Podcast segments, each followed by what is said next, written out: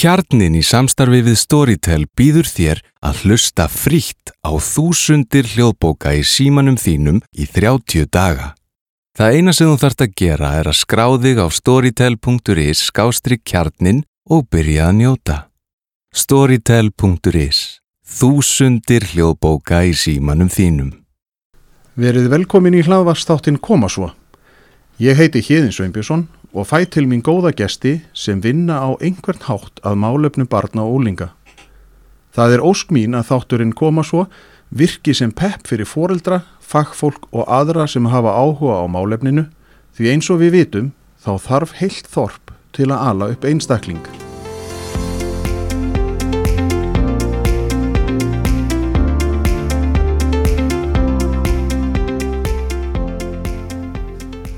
Verið velkomin í þennan þátt af Koma svo, þar sem að viðmælendi minn í dag og ég ætlum að ræða stórumerkilega hlut, kannski, kannski ekki, en það er um deburð úlinga og, og hvað svona, hvað leiðir við höfum til þess að skoða það og, og, og aðra hluti í kringu það. Og þá er bara að snúa sér að viðmælendunum og segja, verður velkomin og nú má ætla ég að fá þig til þess að kynna þig. Já, bara þakka ég kjallaði fyrir að bjóða mér. Ég heiti Ársæll Arnarsson og ég er prófessor í tónstundu og félagsmálafræði við Háskóla Íslands. Þú ert alveg bara prófessor. Ég er alveg bara, þú, þú, þú ert með dýrararsortina núna, sko. Þetta er bara, við þakkum fyrir það og, já, og þá er mínúti kaupi búið. Já, algjörlega. En segðu, hérna, prófessor í tónstundu og félagsmálafræði, hvað er nú, hérna, nú ertu, við erum úr þokkalega svipuðum aldri, mm. Þannig að nú þarf, nú þarf að grafa í hérna kollináður því ég hef nú haft það sem reglu að, að fólk svona segir eins frá sér og hvernig var uppvöxturinn og hvaðan ertu og við þurfum ekkert að tala um fóreldrana og hvað þau gerðu áður en þú komst í heiminn sko Nei. en allavega bara svona segðu græðis frá hérna hvað, hvaðan þú kemur og svona hvernig skólagangan var og svona hvernig minningunni svona því við getum það borið saman sko núna og þá Mm -hmm. og við erum að tala um þá sko, þetta er alveg bara hérna, ár og dagar. ár og dagar. Algjörlega. Ég fættur 1968 á Akrænisi og er skagamaður í húð og hár. Allt mitt fólk er þar að mæstu leiti ennþá og, og hérna mm, náttúrulega bara elst þar upp og gengi skóla og hérna mm, ég var svona svona þokkalögur í skóla framan af sko og svo tóku við úlingsárin og ég byrjaði mjög snemma að, að, að svolítið að, að villasta leið sko bæði í, í reykingum og áfengisnótkun þetta hafi verið 12 ára sem er náttúrulega absúrt að segja frá í dag sko. Já, þetta er, er svona þessar tölur. Maður trúir þess ekki þegar maður segir þetta og lætur út á sig Nei, þetta var náttúrulega við, ég var náttúrulega með svona fyrirskipunum í, í þessu en, en, hérna, en þetta var ekkit samt algjörlega sko óþekkt, þú veist, við vorum nokkur sem að byrjuðum á þessu á þessum tíma og, og hérna og þe- þetta er náttúrulega bara eins og hjá úlingum, maður vill svona upplifa smá hættu og maður vill vera svolítið töffari og, og, Já, og já. allt það og ég var nú alltaf svona meiri svona wannabe töffari heldur en raunverulegu töffari. Er það ekki, er það sé ekki alltaf þannig? Já, Það- það er svona flestir kannski í þeim takka sko en það er náttúrulega þetta með að byrja að reykja og, og drekka, byrjar þá að, að drekka og reykja á sama tíma? Já, já, já, en þetta er náttúrulega líka, ég man bara í minningunni minni þá var bara hending ef að fólk reykti ekki. Já. Og þú varst bara ekki maður með mönnum eða þú reyktir ekki. Æ, nei, þetta var svolítið fulloreinslegt já, Já, en reyndar með drikkjuna þá var þetta svona, ég byrjaði nú örlítið setna ég, Já, já og en, byrjaði sko, maður náttúrulega byrjaði ekkit að neinu krafti sko, maður svona byrjaði samt svona að snappa já. sér og stelast í og svo leiði sko, Já. þetta var nú ekkit sko. Já, þetta var ekki hver helgi. Nei, nei, nei, nei, það var langt í frá. Og þetta var oft svona það sem að kallast okkur í íslensku ímyndunar fyllir í svona, Já, já, það ekki nema kannski eitt, tvo sopa til þess að setja mann á hliðina sko. Það var svona hænu, hænuhausa fyllir í. já, já, já, já, þetta var meiri stemning sko, maður var svona náttúrulega að reyna að, þú veist, þetta er náttúrulega maður er að reyna að finna sig svolítið á þessum aldri og reyna að búa til einhverja mynd af sjálfum sér kannski nákvæmlega og þetta, ég ætla að fara í þessa mynd sko En varst, nú ertu skagamæður og, þá, og maður tengir náttúrulega bara við sem kannski erum, að því nú eru, eins og ég segja, við erum á svipum aldri og Já. maður hugsar alltaf um skagan sem Já. þetta er bara fótbolta bærin, skagin. Og þú hefur náttúrulega verið, reiknaði með, alveg sama hvort þú varst góður eða ekki, þú hefur verið í íþrótum. Já, ég var, ég var nú ekki mikill íþróttamæður, það var ég nú ekki logið því að þeir, en ég byrjaði auðvitað, þú veist, mín fjölskylda er mjög mikið í fótboltanum, afi sáum fótboltavöldin alltaf á sumrum á vallastjóri og þannig að ég ólst upp á eigum við að nota það sem afsökun að ég tvífóbrotnaði þegar ég var átt ára, annars hefði ég orðið Anna, já, annars góður. hefur orðið Já, atvinnumæður ég eins og það, flesti sko. skagamenn Já, bara sinir skagans. Ég gæti ekki því Þetta var mikil guðsbless svona, ég skildi brjóta með lafnur og hætta eða tímanum mínum í þetta Já, já. Já, það er eða glefni annað við tala okkur og fótbrotnar á báðum þá, þegar þú státt ára. Já, þetta er hérna varst það að príla eitthvað í fjörunni? Nei, það var nefnilega málið sko Ég var í fótbolta Ég hef alltaf sagt að íþróttir eru stór hættulega. Stór hættulega. Ég var í fótbolta og hérna var í marki og það voru tveir strákar sem að klifruðu upp í netið og hérna alltaf koma sér fyrir upp á netinu og það vildi ekki betur til heldur en að marki vald með þá ofan á mig og ég var náttúrulega bara heppin að þetta repast ekki sko að, að, hérna, en, en ég ná, stóð einhvern veginn það framalega í markinu að það bara skrapaði á mig bakið og, og, Og svo neldi það niður á mig lafinnur og þannig að Öss. það brotnaði allt í spá og ég var gifs í einhverju þrjá ég. Það hefur verið. Og þá var bara ríkisjónarpið á, Já, það var ekkert að gera og ekkert að gera og Nei, bara hús á sléttun og svöndum og, og ekkert sjónum på fymtudöfum og neitt. Nei, nei, ég, en sko svo var maður náttúrulega að reyna ég, ég man ekki hversu oft ég brauti þetta gif sko því að ég ætlaði náttúrulega bara þetta var sumar sko, ég man þetta var, þetta var sko þetta var fyrsta daginn í sumarfríinu Oh, já, ég, alveg, ég hjartaði á mér bara, Já. þetta er, ég maður bara að finna til með þetta. Já, þetta var ekki, þetta var ekki skemmtilegt En þú segir, ok, þú byrjar að fykta 12 óra Já, og hvað svo? Hvernig var, voru þá úlingsárin? Voru, var þetta svona, voru skagamenn eitthvað öðruvísi heldur en við sem vorum hérna í bænum að, að þú veist ekki voru þið að koma hingað til þess að fara á hallarinsplanið og, og í þann pakka? Nei, við vorum meira sko að fara að snemma á sveitaböl sko. Það var svolítið, það var svolítið dæmi sko að maður var komin kannski á sveitaböl 14 ára. Og það er náttúrulega þegar maður hugsaður um það sko þetta er náttúrulega algjör bíl. Þetta var, var maður settur inn kornungur og maður var ekkert settur inn, það var enginn sem víti manni í þetta, maður fór, fór þetta á sjálfur og það var enginn sem að þessu nema við tókum okkur bara nokkur saman og fengum þar með rútunni. Já, og þetta var náttúrulega bara eh, þetta, þetta var eins og maður helja slóða frá orusta bara þarna, þarna inn á hlöðum og, og í kjósinni og, og, og fleiri stöðum sem maður var að fara. Þetta var náttúrulega algjör þvæla sko, Ko- kolvillust fólk hérna innan um ríkfullurðu og, og þetta var algjör algjör, algjör, algjör brjálaði sko. En, en var ekki, það sem maður er oft sagt svona í dag að þegar að, að sko harkan í dag þegar að Mm. fólk er drukki eða sem sagt sko ég hugsa um að, að þegar einhver er lamin já, að þá er ekkert verið að lemja bara svona, þú veist, eitt kjafsög það er bara sparkað og þú ert Já, þú átt bara að verða græmiti sko. já, græmiti þá ertu bara kannski í, í sko kóma, hvað nú íslensku orðið yfir kóma, Já, í dái í bara. dái bara í einhverja vikur og svona og svo vaknar þú kannski þá bara vantar eitthvað sko, en þú veist lendiði, þú veist, maður lendi aldrei í svona Nei, ég man nú einhverjum aðstæðum. Svona, ég meina, þetta var náttúrulega fyllir í alveg brjála fyllir í, Já, já. En, en fenguðu ekki verið friði?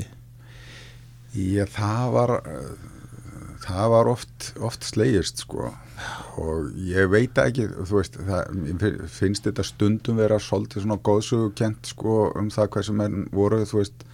Menn, menn lögðust aldrei á, á þann sem að var var hérna neyri sko en það, ég man eftir því að heyra sögur af skipshöfnum sem að fóru á svona sveitaböl sko og svo var bara slegið þá til að allt var, var búið að brjóta allt inni og þá fóru menn út og rifu upp sko gyrðingastöra og slóist með þeim skilur, þú veist, ég held að þetta hafi það getur ég á erfitt með að sjá það að, að það sé meira Já, hvort það sé eitthvað öðruvísi, hvort þetta sé ekki bara sama. Ég held að þetta sé bara mikið það sama sko Það er gott að ég hef ekki þessa minningu þannig að það er, ég er svona þessi fríð elskandi maður. Já, nei, ég var ekki mikið í slagsmál ég, Nei, ég er meina að engin- því að maður kannski sá þetta ekki. Já, nei, nei, Nei, nei, ég hérna, maður, ég slóst ekki mikið, ég hef aldrei verið, ég held að ég hafa einhvern tíman einu sinni slegist við einhvern og... Ég held bara að ég haf aldrei skilið þessa veist, ég skil ekki hvað það þýðir eins og þú segir, skips uh, hafninnar koma í bæinn og svo Já. bara er drukkið alveg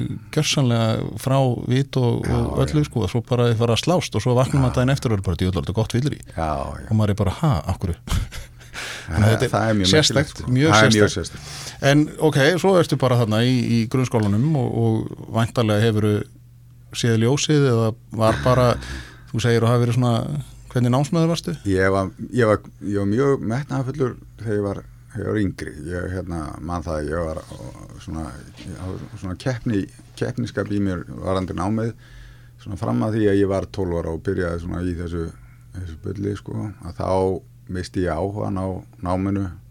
Ég hef alltaf verið svolítið þannig að ég, ég, ég gert ég get sögt mér í hluti sem að ég hef áhuga á en ef ég hef ekki áhuga á hlutunum þá einhvern veginn á ég erfiðara með það sko og þetta er svolítið svona úlinga hugsunarhátturinn Er er, er það ekki bara þannig sem við öllum erum? Jú, ég, ég var líka svona, ég, já, já, þú veist, jarðfræði, guðminn góður, Já. þetta var bara fyrir einhverja, já. ekki mig.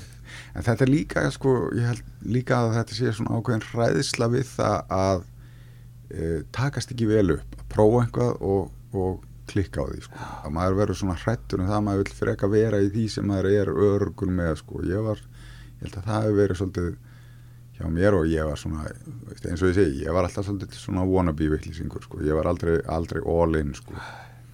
En hérna, og það sem að gerist sko þegar ég er í kringu 12 ára aldur þá fer ég að vera mjög mikið í félagsstörfum var mjög virkur í félagslífin í skólanum og, og hérna þú veist fór að var að svona tuttlaði kringu skagaleikflokkin og fyrst stundum að fara á svið mér að segja og, og svoleiðis og var mikið nýri í Arnadal sem er hérna Félagsmiðstöð, þarna. var, var hún komið þó í gamla húsið, já, þá var hún í gamla elliheimilinu geggjað hús. Já, það er frábært hús sko og, og við, ég, var mjög, ég var mjög virkur í því sko. Og það er eiginlega það sem að svona uh, ég ætla ekki að segja bjargaði mér, ég er ekkert sem að ég hafi verið á þeirri vegferð sko en, en ég, ég fekk mjög mikið út úr því og læriði mjög mikið. Finnst, það er kannski það sem að mér finnst mikilvægt er það að, sko í tómstund, tómstundunum og félagstörunum þá fær maður að búa einhvað til. Mm.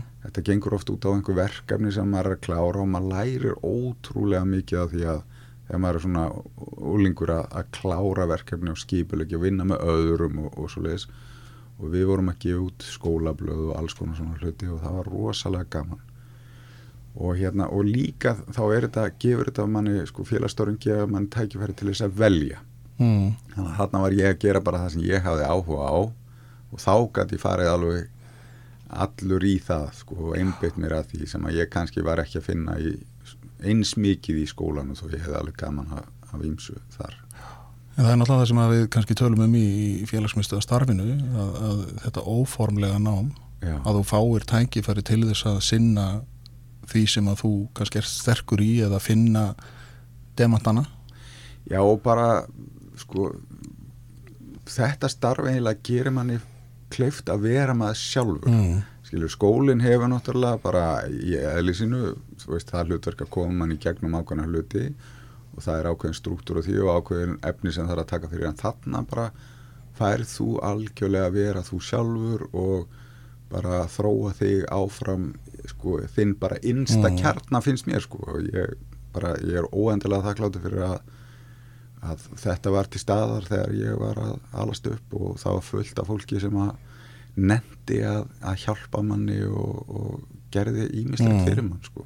Það er náttúrulega líka vendalega þegar maður gefur svona skólablað, alveg svo maður er að gera svona hlaðvarpa, þú veist, maður, svo gefur maður eitt og það er svona, svo vil maður gera betur næst Já, og, og svona gera betra og flottara og Algjörlega. eitthvað svona, sko, þannig að metnaðurinn kemur kannski að öðruvísi fram. Já, já, já, þá fyrir maður að hafa auðvitað áhuga á, á alls konar hluti mm. Ef þetta kjóð blöð þá er hann að hafa áhuga á því að læra íslensku og, og hérna, þú veist, jáfnvel sko rúmfræði til að gera layoutið á blaðinu Mm. og svoleiðis, þú verður að rekna hluti út og svona, þannig að það er ímisleg færni sem að, sem að maður þarf að tilinga sér. Já, Þannig að þú bara finnur þig þarna í þessu og svona er góður þá væntalega í, í sumufögum og verri í öðrum sem, Já, sem já. svona og nefndir ekki, sem maður segir alltaf, já ég nefndi ekki að læra þetta, ég vissi að maður þurfti ekki að klassísk spurningin, hvað gerir maður við algebru í framtíðinni? Æ, Mjög mikið veit fag. Já, og það, það er náttúrulega svo fyndið, sko, ég var einmitt að- að- einn af þessum krökkum, sko, ég, þú veist, bara starffræði, ég bara fattaði ekki hvað það var, sko, til hvers í ósköpunum og svo endaði ég með því að, sko, vinna eiginlega aðalega í tölfræði, sko, það er eiginlega svona það sem ég gerir, dag, ef það er einhver svona rútína í deginu, þá er það tölfræði vinna mín, skil. Þannig að mögulega er stærfræðikennarinn á skaganum, hann er bara svona, mm, Já, hann og honum, þetta er sko, þetta er ekki smá kalt hæðni sko, en það, það er svo skemmtilegt sko, hérna, svo þegar ég verð aðeins eldri og ég fer náttúrulega í fjölbrödd á Akransi og er þá rosalega mikið í félagslífinu. Ég fer í stjórn hérna, nefndafélagsins og, og setna verð formaður og ég var í skólastjórn og ég var formaður tónlistarklubsins og ég var í ræðuliðinu og ég var sko í leiklistar hérna hópnum allan tíman og þú veist ég var bara eins og skítaleittin allstaðar sko. Það var bara, þú veist, ég algjörlega fór in sko, held að ég hafi aðeins svo mikið kannski. Allavega fyrst sko og þá, þannig að ég skítfjall á mætingu sko. Svona náði, náði nú reyndar held ég flestu eða öllu sko en, en skítfjall á mætingu. Og svo bara uh, einhvern veginn verður svona smá hugafarsbreyting að ég fer svona aðeins að, að, að reyna bara að skipulegja mig þegar ég er búin að hafa svona sennilega á öðru ári í, í fjölbreyt svona undir lók annars að þá fer ég svona að, að svona taka sjálf mig aðeins í gegn og ég fer að skipulegja mig og ég fer bara að mæti tíma og þá verður námið allt í hennu miklu, miklu, miklu auðveldari bara hann verður heyrt þetta. Já, þetta, Ah. ég skil ekki af hverju engi var búin að segja með þetta maður, þetta mæti tímana til þess að ná einhverjum árangri það, ég þurfti að finna þetta alveg út sjálfur sko. En mögulega var kannski einhver búin að segja þetta fyrir bara- á, á þessum tíma þá bara vissi maður alltaf betur allir kennarar búin að segja mér að ég þurfti að gera þetta en það, það er svona það er svona fór einhver að rofa til í hérna haustum mér. ég eh, tengi þetta oft við hérna Björn Finnsen sem að kendi mér ennsku mikill, mikill höfðingi og, og frábær kennari. Og ég man eftir að ég þekkti Björn ég, ég og sonur hans vorum góði vinnir og, hérna, og erum enn og, og, hérna, og Björn var að kenna mér ennsku og ég var, það var svona í, í, þá var ég ennþá svona að, að drullu sokkast svolítið í gegnum þetta og ég man að ég, hann hafði lagt fyrir einhver verkefni snemma í, í námskeiðinu og ég hefði náttúrulega ekki gert það. Og fór til hans og ég bað hann um bað hann um svona au, auka frest. Já, og þetta svona gera bara sko fættir kennaran, hann horfði á mig sko og það var ekki með neittni sko ásökun en ég sko fann og hann sagði ekki neitt sko en ég fann bara vombriðin þú veist og mér fannst eins og ég hefði brugðist honum einhvern veginn, hann hefði einhvern veginn séð fyrir sér að ég myndi standa mig betur. Og ég, þetta var svona, ég tengi þetta oft við svona ákveðin svona vendipunkt í, í námsferðlunum að þarna svona hætti ég að reyna alltaf að komast auðvelt í gegnum hlutina. Já, og bara fór að byrja ábyrða á sjálfum mér og gera hlutina og ég er mjög þakkláttur fyrir það og það voru þetta fullt af frábærum kennurum sem að bara vöktu áhuga á meiri segja starffæði sko. já En það, þetta hljóma bara, ég held ég er líka eitt svona sem að, svona, já, ég takti þið nú aðeins saman Já. Án orða, bara Nei. svona, maður svona, ok, já, ég, veist, ég hef alveg eftir að geta þetta Já, En þú, þannig að þú klárar Já, og verður stúdent og, og hvað svo, fer á sjóin? já ég fer eftir að sjó Nei, heyrðu, hættu. Já, það er nú eiginlega þannig. Ég fór á sjó á Ólasík, fór á vetraverti það var mjög, mjög lærdómsýtt og, og skemmtilegt og Þá eftir stúdent eða? Já, ég reynda að byrjaði í háskólanum og það sko gekk ekki neitt, ég var náttúrulega bara alltaf að taka þetta með sko, maður fattar þá oft ekki sko þegar maður kemur úr barnaskóla þá þá maður auðvitað stíga upp sko Já. þegar maður kemur í fjölbreyð svo þegar maður kemur úr fjölbreyðaskólanum eða mentaskólanum þá þá maður að stíga upp til þess að komast í háskólan sko. Og það var ekki alveg að gerast hjá mig þannig að ég átti þarna eina eina svona lost weekend önn og endaði svo bara sjónum og það var bara frábært skilju, ég Mm. þurfti bara þú veist og það því að sko ég held að það sem að hafi alltaf reynst mér best er svona seglan sko, þú veist, það er ekki, það er ekki greindin sko gerir ákvæmna hluti fyrir manna en, en sko það er seglan sem að skiptir aðalmáli sko að sko að átta sig á því að nú þurfum að breytum gýr sko mm. gangi þe- þetta ekki og þá þurfum maður aðeins að stíga upp og, og, og klára og það, það hjálpaði mér mjög mikið að fara á sjó og, og hérna og ég var reynda byrjar að vinna það sem að sko ég var átjánar þegar ég byrjaði að vinna upp í Reykjadal sem sumabúður styrtafélags lamar og fallara Mm það hafði auðvitað alveg gríðarlega mikil áhrif á mig og það auðvitað tengist þessu náttúrulega félags- og tómstundastarfi. Það er rosalega gaman að vinna í sömarbúðum, ég menna það er ekki hægt að fá, fá skemmtilega starfheldur en að vinna í sömarbúðum ímynda allavega fyrir mig sko. Og ég vann, vann þar byrjaði átjánar á og vann í tíu sömur þar og, og var líka þarna á veturnar stundum með helgardvalir fyrir krakka sem að komu þá frá föstu degi til sundags og það var gríðarlega lært um sitt og, og svona og bara mm, mannbætandi maður svona, það eru þetta alltaf þannig held ég að þegar maður er neittu til þess að hætta að hugsa bara um sjálfa sig og, og fara að hugsa aðeins um aðra þá finnum maður þessa svona sönnu gleði í lífinu, Mm. það er bara þannig. Held að það fylgist alltaf í því að að finna, finnast að maður gera einhvað gagn og maður sé að verða öðru fólki að liði og það, þetta bara breytti algjörlega lífuminu sko. Svo náttúrulega líka þetta með kannski að fá bara þetta litla brós já, já, frá einstaklingi sem að Já, kannski algjörlega. getur ekki talað og tjá sig og svo sérðu klampan í augunum eða já, gleðina þegar þú kemur í vinnuna og þá er eitthvað svona sem að liftur upp augum og. Samþ, eða svona lætur þið vita að þú ert kominn og, og Já, já. gleði sko, veist, þannig að ég, ég tengið alveg við þetta sko, þetta er alveg besta tilfinning í heimi. Já, það er, það er, það er frábært sko. Og svo líka bara, þú veist að mm, maður sér ma- já, ég svona þegar maður vinnur með, með fólki sem að er með fölluna þá, þá, þá blasir það sko skýrar við manni hvaða, hvað felst í því að vera manneskja sko. Að, að það er einhvern veginn þegar þú ert búin að taka að manni einhverju hæfni sko til þess að annarkvort hugsa fljótt eða muna mikið eða reyfa sér hratt sko þá getur maður að sé sko að það er alveg stór og heil manneskja á bakvið sko sem að þú veist það er, það er sko þó að þú missir einhverja hæfni eða hafir, hana, hafir aldrei haft hana þá er þá, er, þá getur þú verið alveg stór manneskja sko Mm. það, það fannst mér alltaf alltaf svo frábært sko að, að hérna, þú veist, og ég tala við sko átt góða samræði við, við, við margar sem eru með sko þroskaskerðingar en, en þeir eru alveg ja, sko sensible í í hérna, þú veist að spurja ráða um, um, um alls konar hluti þó að þeir kannski muni ekki kennitóluna sína.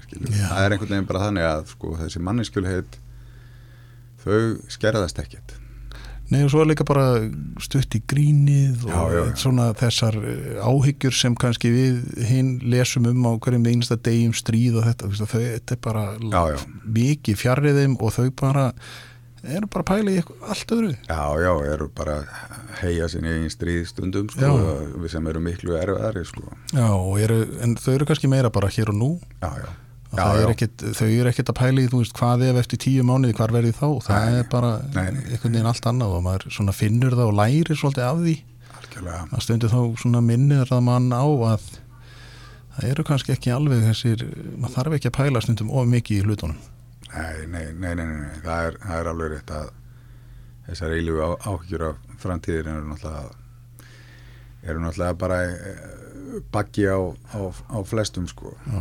En hvernig, þá, þannig að þú, nú ertu búin að fara á sjóin, þú ert að vinna Reykjadal, uh, hvað gerur þegar þú ferði, fóst í viðskiptafræði kannski fyrst og dast út eða? Nei, ég voru í læknisfræði. Ok, en sem að var mjög bjarstýtt vegna þess að ég hafði útskrifast ég var með sko frekar lélegt sko, ég var með frekar lélegt hérna stúdinspó af félagsöðubraut þannig að ég hafði engan undirbúning og þetta var bara einhver svona sko, það var vinur minn sem var að fara í læknisfræði ég bara ákvaða Fljóta með, sko. engan undirbúning undir þetta og, og hérna þannig að það var bara, en það var bara þú veist, það er stundum það er líka gott. Það er rosalega gott að detta á raskatið. Það er yfirleitt það er yfirleitt að besta það dregur yfirleitt alltaf fram það besta í mér þegar, ma- þegar ég er svona búin að búin að klúður einhverju og svona eh, þarf aðeins að horfast í við það hvað ég er að gera og ég þarf svona aðeins að, að stíga upp. Þannig að ég, ég mína bestu stundir á ég á, raskatinu nú gott að heyra það gott að, að fólk sé jákvæmt því að þetta á raskandi Já, það er bara, sko, ég held að maður þróist ekkert með því að vera í einhverjum eilífum meðvind, sko, þá er ég bara hrókafullur og leðarlegur, sko.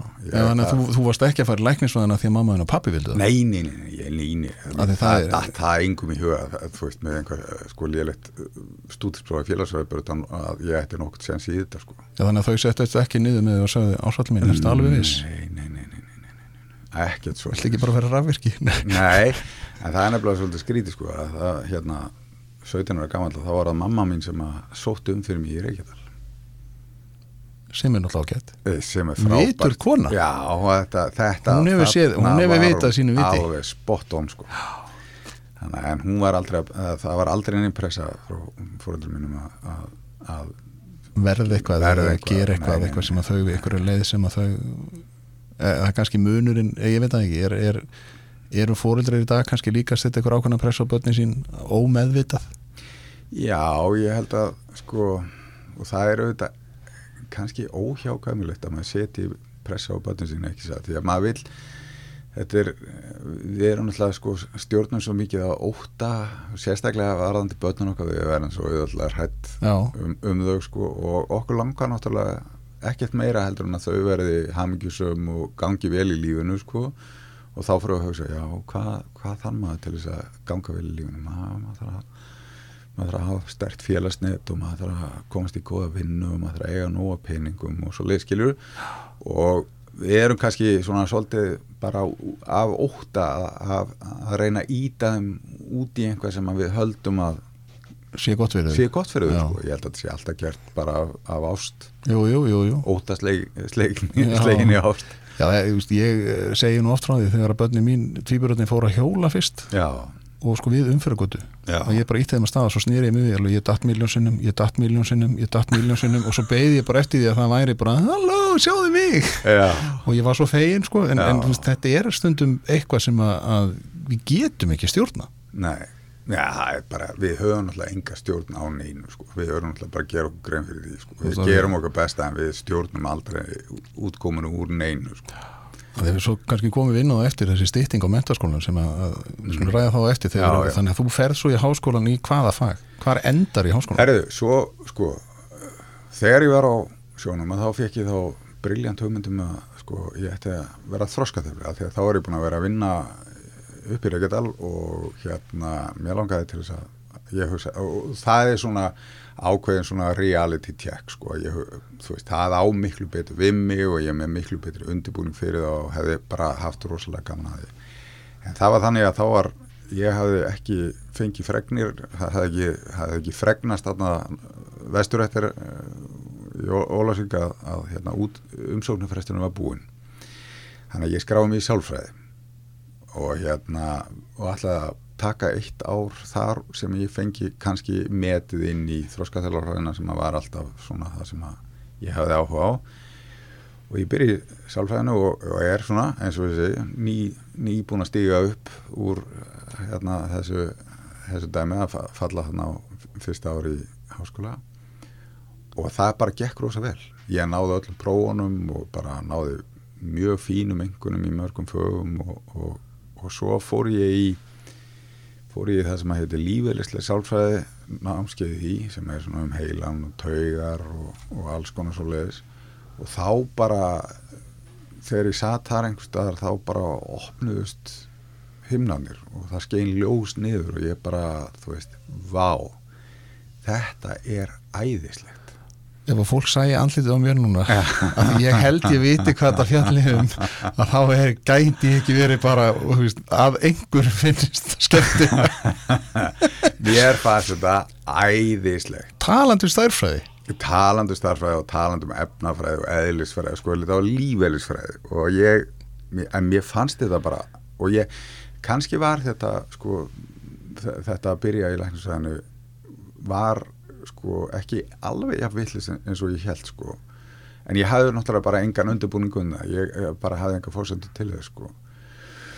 Þannig að ég fer hérna e, svo, það, það er svo hérna ég er svo heppin að það er nýr uh, kennari að koma hana inn í uh, þetta fag lífeyrslega sálfræði og honum vantar aðstofaminn í rannsóknir. Og ég er náttúrulega bara hljópt til hans og, og vildi endilega hérna, fyrsti maður, fyrsti maður. Félagsmála dröllið bara, mættur. Og reyndar eini maður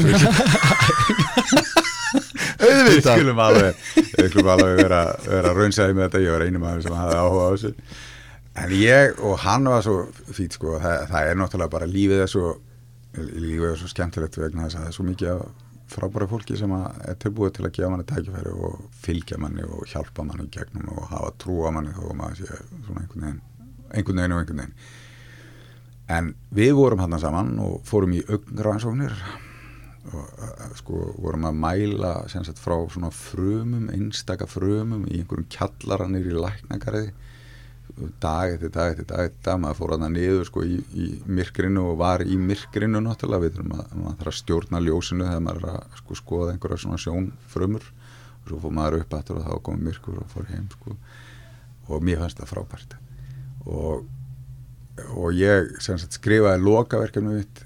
Það var sko það var hérna áhrif aminosýra á hérna, sjónheimnuritt þetta var í sálfræðinni sko það var náttúrulega enginn sem að hafi skrifað um neitt Þetta var í líka alveg bara hvað hefur frumur í augum eitthvað að gera með sálfræði? Já, það er náttúrulega sko, það er svo stór sko, við náttúrulega að hugsa um sálfræðin alltaf út frá þessari klíník sko, já, að já. maður bara setja og tala um vandamál einhvers og, og leysið þau sko, en, en sálfræðin eru þetta, þú veist, hvernig við hugsum og hvernig við skinnjum og hvernig tilfinningarna virka þannig að sko skinnjun er mjög stór hluti af, af sálfræðið það er auðvitað mjög, mjög, mjög skemmtilegt sko þegar ég sitt hérna og horfi á því sko hvað er það sem að býr til þessa mynd í augan á mér sem að ég hef á þér sko.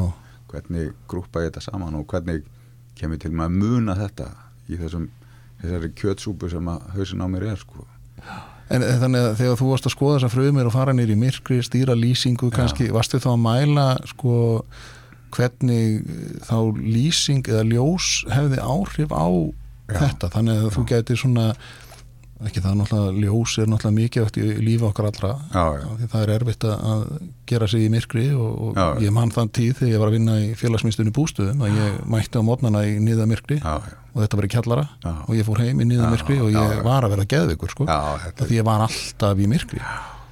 Og það, veist, þannig að þetta er svona þetta kannski tengist þessu á vissan hátt? Já, já, við, menna, við vorum náttúrulega að skoða bæði sko hvernig ljós hefði áhrif á mismöndi frumur í nýjögan og hvernig hérna hvernig hérna bóðefnaflutningu væri á milli og svona. Við vorum að sko, skoða hvernig ef maður hendur inn einhverju efni sem bóð blokkar er einhver bóðefni hvað gerist þá og hvernig verður. Þetta er náttúrulega svona raflífilisfræði sko, vikilstarfræðin Ég, reyndar er ég myndið sem ég með núna það er svona auga á borðin Já, já, það er það Náðu, voruð þið með auga? Við vorum með, já, já, við vorum með náttúrulega bara dýr sko, náttúrulega bara já, okay, tilurna dýr sko. Já, ég náttúrulega var alveg komin í einhverja svona björnsýtlingsmynd sko, þar sem að var bara, ei, þú veit auga. Já, ekkert, það var lokka hérna til okkar einhverja. Já Þú fær 5.000 krónur eða þetta er verið tilurnandýr Við gerum reyndar líka svona alls konar hérna, rannsóknir á á mönnum og þá vorum við að mæla kannski rafvirkni aftur í nakka sem að það sem að sjónin Já. verður til sko og skoða hvernig lýsing og, og, og svona alls konar slutir hafa áhrif á Alveg merkilt að ég er svona heitlaður af þessu en samt myndi ég, ekki, ég myndi ekki nenna þessu sko Já. Ég veit bara hvað heilin er þetta er svo, þetta er svo mikið fyrirbæri. Já. Og þetta er, ég var nefnilega að tala við strák hérna íþróttasálfræði ráðgjafa. Já. Og við vorum að tala svolítið um þetta með sko íþróttamenn eru svo alltaf að æfa vöðvarna sko. Já. en svo er einhvern veginn heilin stundu fylgir ekki með. Nei. af því eins og þú segir sko maður þarf að hvernig tikkar þú? Já. hvernig tekur á móti mótlæti, hvernig tekur á móti sko öllu þessum hlutum sem að þú lendir í? Algjörlega eins og þú segir, þú dettur á rassin en ég meina þá er bara ok, já, hvað er ég að gera? Ég stendu upp, ég held áfram. Já, það er auðvitað mjög mísjamt sko eh, milli fólks sko hvernig fólk bregst við svoleiðis svoleiðis hlutum sko. Sömur lendi í áföllum og það bara þá gefast þér upp sko. Aðrir einhvern veginn eru alltaf tilbúinu til að rýsa upp og flest eru við þarna einhver starf á milli sko. En það er mjög mikið sko það er mjög merkilegt sko hvernig þetta er hvernig þetta dreifist á milli, milli einstaklinga sko. En er, er þá, þannig að þú skrifar þannig einhverja stórmerkilega reitgerð og, og hérna það er BA-prófið þitt eða BS-prófið eða hvað Já. þetta heitir nú Jú. og hvað, hvað gera menn svo? Þegar, því að sko ég er að reyna að tengja þið núna inn í tónstundafræði Já, sko ég er náttúrulega að vinna alltaf í Reykjadal á þessum tíma sko. þannig að ég er alltaf með sömabúið fyrir fallaða og ég er um fórstöðum að þar og, og hérna held ég að hafa verið hvað hafi ég verið 21 árs þegar ég tók við sem fórstöðum aður upp í Reykjadal 21 ás Já, það er bara sko ábyrðin á þessu já. Já, með einhver sannlega 40 manns. Nei, það er ja, nálægt 40 manns í vinnu sko. Og það hafi verið kannski 40, 60 hvað voru margir? Það voru kannski 300 krakkar að koma yfir söma tíman sko. Já, sæll. Já, og þú 21 ás já, já. þetta var náttúrulega mikil ábyrð sko. Ég, en ég held að sko ég hafi alveg valdið henni, ég var náttúrulega með mjög gott fólk í kringum mig og, og hérna ég hafi náttúrulega unnið þarna sjálfur í langan tíma, ég þekkti þetta allt ég þekkti alla krakkana, ég þekkti alla fóreldrana og hérna og auðvitað, þú veist um, það, þetta var auðvitað erfitt og ég menna, kemur ímislegt upp. En ég held að, þú veist, ég hafi ekkert verið það hafi ekkert sko háð mér hvað ég var, var ungur. Ég var mjög, ég tók þessu ég, ég var all in sko. Ég var alveg, þetta skipti mig öllu máli sko. Og ég vann, vann mjög hérna mikið þarna frá og, og reyndi að gera þetta mjög vel.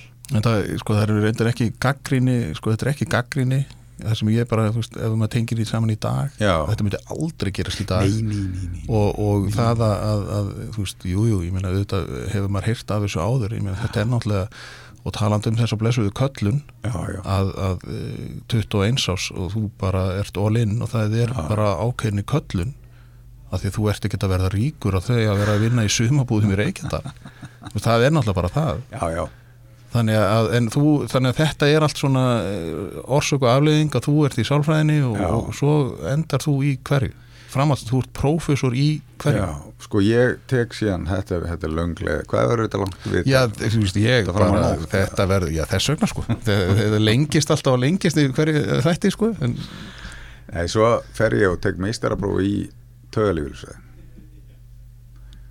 þá er ég náttúrulega og gerir það upp í læknadelt þannig að ég svona smegir mér inn þar bakterja megin svona.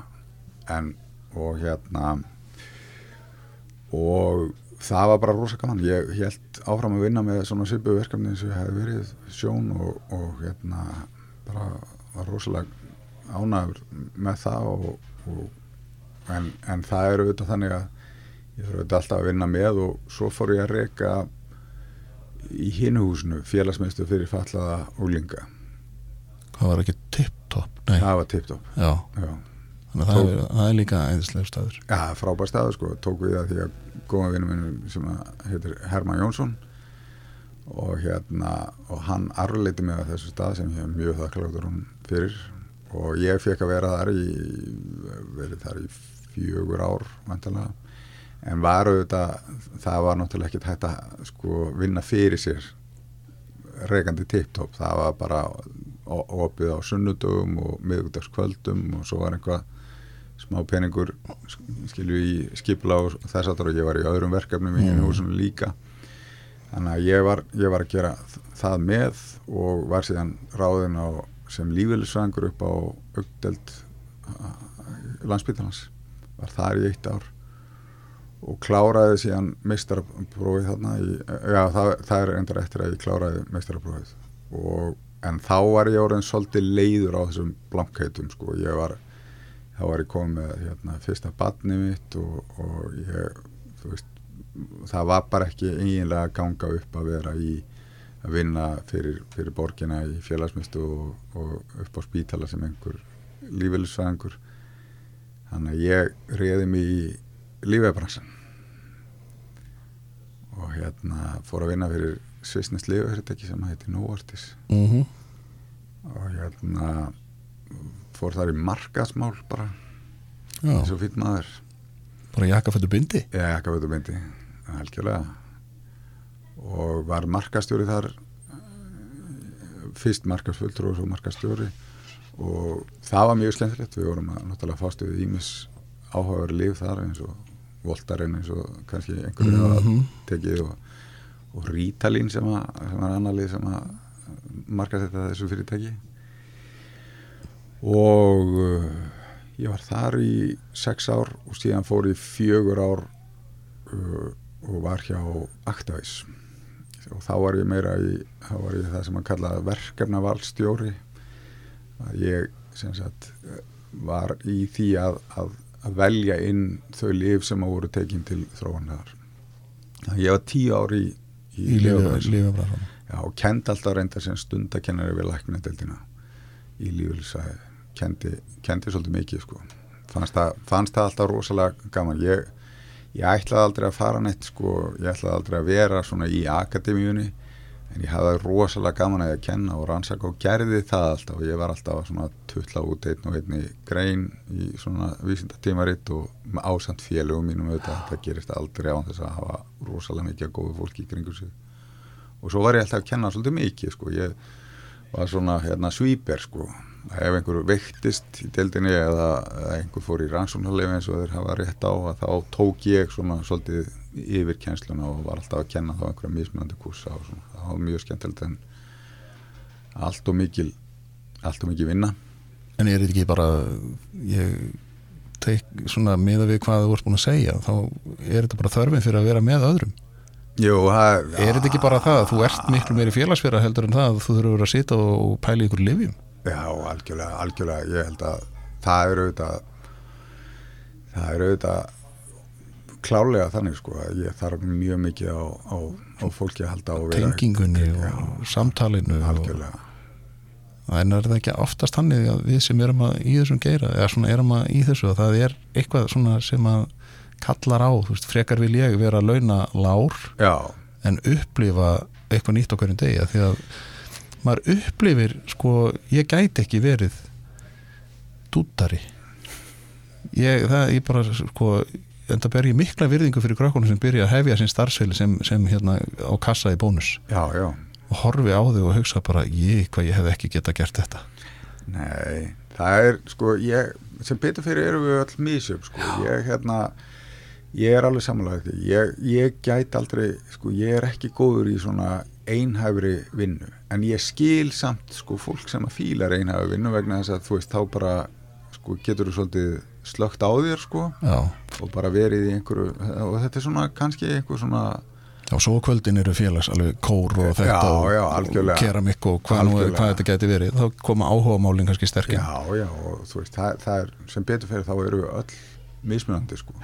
En ég, það á ekki vel við mig að vera í starfi það sem að allt er klárt sko að ég kem inn og ég veit nákvæmlega hvað ég á að gera og það er alltaf sama dag eftir dag eða mjög svipað. Ég, það er ekki, það hendar bara ekki mínu mentaliteti sko, Nei, nei. ég bara hef ekki einbyttinguna í það sko.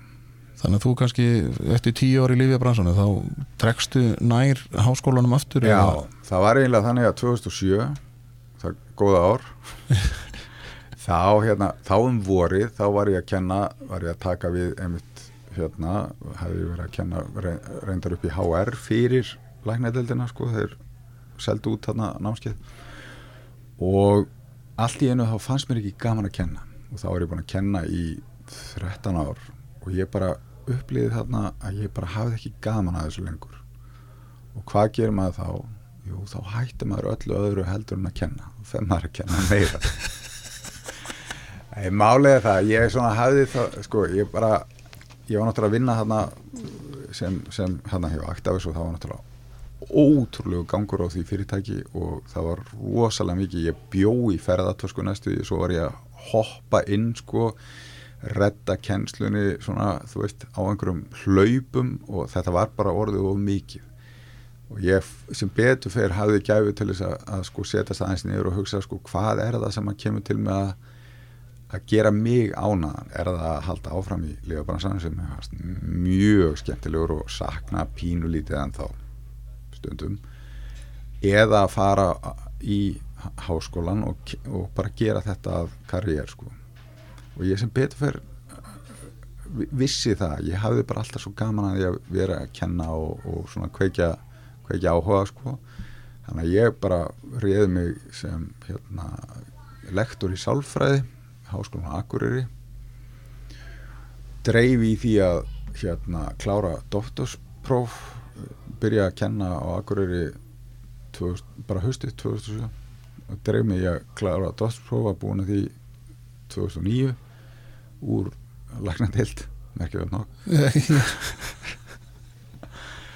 Og kendi síðan uh, fyrir Norðan í tíu ár. Og svo var það svona fjölskyldu aðstæður sem að voru orðnað þannig að okkur var farið að anga söður aftur. Og þá opnaðist þessi staða í tónstund og félagsmálafræði og þá er ég ánum professor í sálfræði sko fyrir Norðan.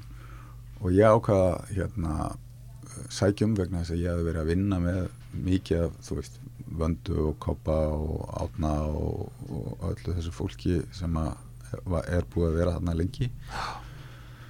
Og við höfum alltaf talað um það að það væri gaman að ég kæmi þarna, þú veist, að því að ég hef svona þessan kannski rannsóknar hérna, ég búin að, var búin að vera í úlingarannsóknum í þessi tíu ár fyrir norðan, skrifa mjög mikið og, og það var kannski einhvað sem að þeim langaði til þess að styrkja hérna. Ég sóti um og, og fekk sem sagt professorstöðu hérna við tónst og félagsmjölu og er frábælega ánað með það. Við náttúrulega, ég held að við hérna, ég nýtist vel. Af því að eins og ég segi það er ekkit margir tónstundufræðingar sem eru mjög sterkir í rannsóknum Já. ég hef það sko ég hef auðvitað bakgrunnin úr sko vinnunni mm -hmm.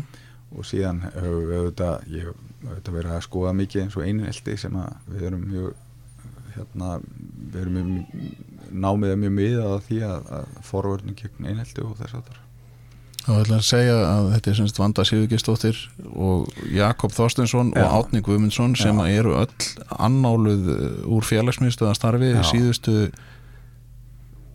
40 ára held ég. Allan frá 90 Já, algjörlega. Vanda kom náttúrulega á sín tíma frá Svíþjóð Átni kom frá Svíþjóð og Jakob er með sinn bakgrunn í, í hérna kennaraháskólanum og, og í þessum fræðum. Já. og mikill, þetta er allt mikið svona félagsmiðstu af fólk og, og, og tómstund af, ja, bara tómstund af félagsmála fólk og hefur mikinn áhuga á öllu sem við kemur þessu málefni. Já. Já. en þá náttúrulega kannski erum við komnir bara að nú erum við konið á daginum í dag og það er þessi deburð úlinga mm. einildi, það er margt að skoða Já En, og ástæðan alltaf kannski fyrir því að ég talaði við því var náttúrulega, mér fannst allt í hennu poppaður upp og, og þú varst rosalega vinsætt í hvað, viku, Já. eins og því að þú varst Já. á hana fræðstu kvöldi hjá fróðum fóraldrum, mm -hmm. fróði fóraldrar eru farin að vera hafsjóra fólki fyrir mig þannig að ég pikka út alveg stórskendiritt fólk til að tala við og, og þá vorum við náttúrulega að ræða þetta að allt í einu er eitthvað sko, eins og venjulega að það er eitthvað svona hallar á neikvæðnina. Mm. Og þá er náttúrulega allt svona þarf að ræða þetta. Og, og deburð hjá úlingum mm. börnum og úlingum var þetta bara úlingar eða voru þetta svona almenn? Nei, þetta er við, sko, ég er með tvær alþjóðlega rannsóknir í gangi. Önnur sem eru euróska výmöfnaransóknin ESPAT sem við erum að leggja fyrir núna og svo lögum við fyrra fyrir rannsókn sem heitir Hilsa og, og lífskjör skólabarna sem er HBSC skamstafað og það er sjötti, áttundu og tíundu bekkur.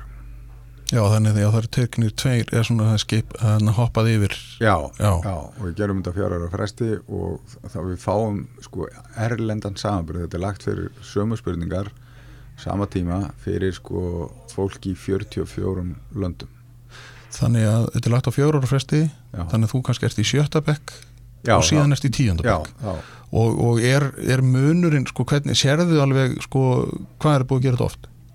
Við erum búin að gera þetta síðan, sko rannsóknin sjálf byrjaði 1983 en við erum búin að vera með síðan 2006 Já þannig að við erum komið hvað með ykkur 3, 2010, 2014, 2018 þannig að við erum kannski komið með þrjú skipti Já. og sjáuð ykkur á svona hvernig er munurinn á sjöttubekkingunum og svo þegar þið komið í tíundabekk? Já, já, það er alveg hellingsmunur sko. Við erum komið fjögurskipti og það er einmitt mjög áhugavert að skoða sko af því að við erum með sama sjöttabökk sem að fylgir upp í tíundabökk og þó að auðvitað einhver svona hliðurinn verði, einhverju flíti út og, og, og einhverju komið inn sko þá uh, er auðvitað mjög áhugavert að skoða hérna breytingana, við höfum til dæmis verið að, að, að skoða uh, brottfallur íþróttum skoða hvernig sko að hvernig ástandið er í sjötta bekk og upp í tíunda bekk vegna þess að við vitum að það er mikið brottfallur í íþróttum á þessum tíma. Og ef maður tengir það við fjárhagslega stöðu fjölskyldunar þá kemur það í ljós að sko í sjötta bekk þá eru þeir sem að hafa slakar í fjárhagsstöðu þeir eru ólíklegri en hinn til þess að vera í íþróttum. En ef við skoðum það aftur í tíunda bekk þá er brottfallið nánast bara hjá þeim sem hafa slæma fjárhastöðu brottfalli hjá þeim sem er í, hafa fjölskyldi í kringu sem er, sem er góða fjárhastöðu er næstuði ekkit þannig að fjárhastaðan skýri næstuði allt brottfalli Já, ok, og það er ekki þetta með því nú þegar þú segir þetta að þegar þú varst ávæntalega í Sjötabekk sem er þá 12 ára aldurinn að þá er þú farin að fykta við ykkur hluti sem þú átt að geta fykta við. Mm. að því að það, ég hætti á sínu tíma því að það var ofmikið að gerast í hormónaflæðið eiginlega trublaði hérna áhuga minn eða semst að það var bara stelpunnar eh, tópakið, áfengið veist, það Já. var bara, partíin og veist, það var bara alltaf hlutir. Já, en það er ekki að trubla þessa krakkar. Nei, það er náttúrulega þau, þau, ekki, þau er ekki í þessu þau er ekki, er ekki í þessu sko þannig að það er ekki, ekki hormónunin sem er að tröfla þannig að þetta er meira fjárhagur fóreldra sem er að tröfla þetta en það er líka þegar þú fer að spáði það sko. hvað kostar fóreldræðina mikið að, að hafa því fólkvölda á sínum tíma sko. hvað það kostar það núna skilur við, það er, það er, það er auðvitað, þú veist þessi þau þurftu auðvitað að kaupa sæmilega sko og, og, og einhvern búning sko en hann var nú talsvægt ódýrari vantalega heldur en heldur en þeir búningar sem við verðum að kaupa núna. Og Já. svo eru þetta allur, all fyrirhöfnin í kringum þetta, það eru þetta þú veist eh, það eru þetta allar þessi keppnisferðir og öll þessi mót sem það þarf að mæta og, og það er alls konar starf sem að er í kringum þetta. Og það kannski eiga foreldrar til dæmis einstæðir foreldrar sem hafa minn tíma og er að vinna meira bara me minni möguleika til þess að, að, að vera með í En er það, eh, nú, nú var ég sjálfur að þjálfa fyrir 100 árum mm. og, og fór einn á, á pæjumótið í Vestmanni með sko 40-50 stelpur í, í fjórðaflokki og jáfnvel þriðaflokki, ég man ekki hvernig það var. Og það kannski tveir fórildrar Já. sko ekki það, ég ætla ekki að, að þú veist og þetta var bara, en maður bara gerði þetta alveg svo þú varst 21 ást á þegar þú tekur við Reykjadal skilu, ég bara fór því þetta var bara það sem var í bóði en, en maður náttúrulega lagði bara áherslu á þú veist við erum innan til þess að spila fókbalta og það var ekkert. Og svo einhvern veginn þegar ég kem heim eftir mitt námi í Danmarku að þá þarf ég að fara allan anskotan með barninu sem var í fókbalta og ég var bara uh, hvað breytist þarf ég virkilega að mæta á allar æfingar til þess að horfa á endutekninguna þarf ég, þess að var ég svo fegin svolítið þegar hann strákunum valdi hérna karate. Mjög auðveld íþrótt. Þetta er svona allt, allt annað umhverfi að, að þetta með að fara ég fór einu svona eða tvísvara på skaga mm.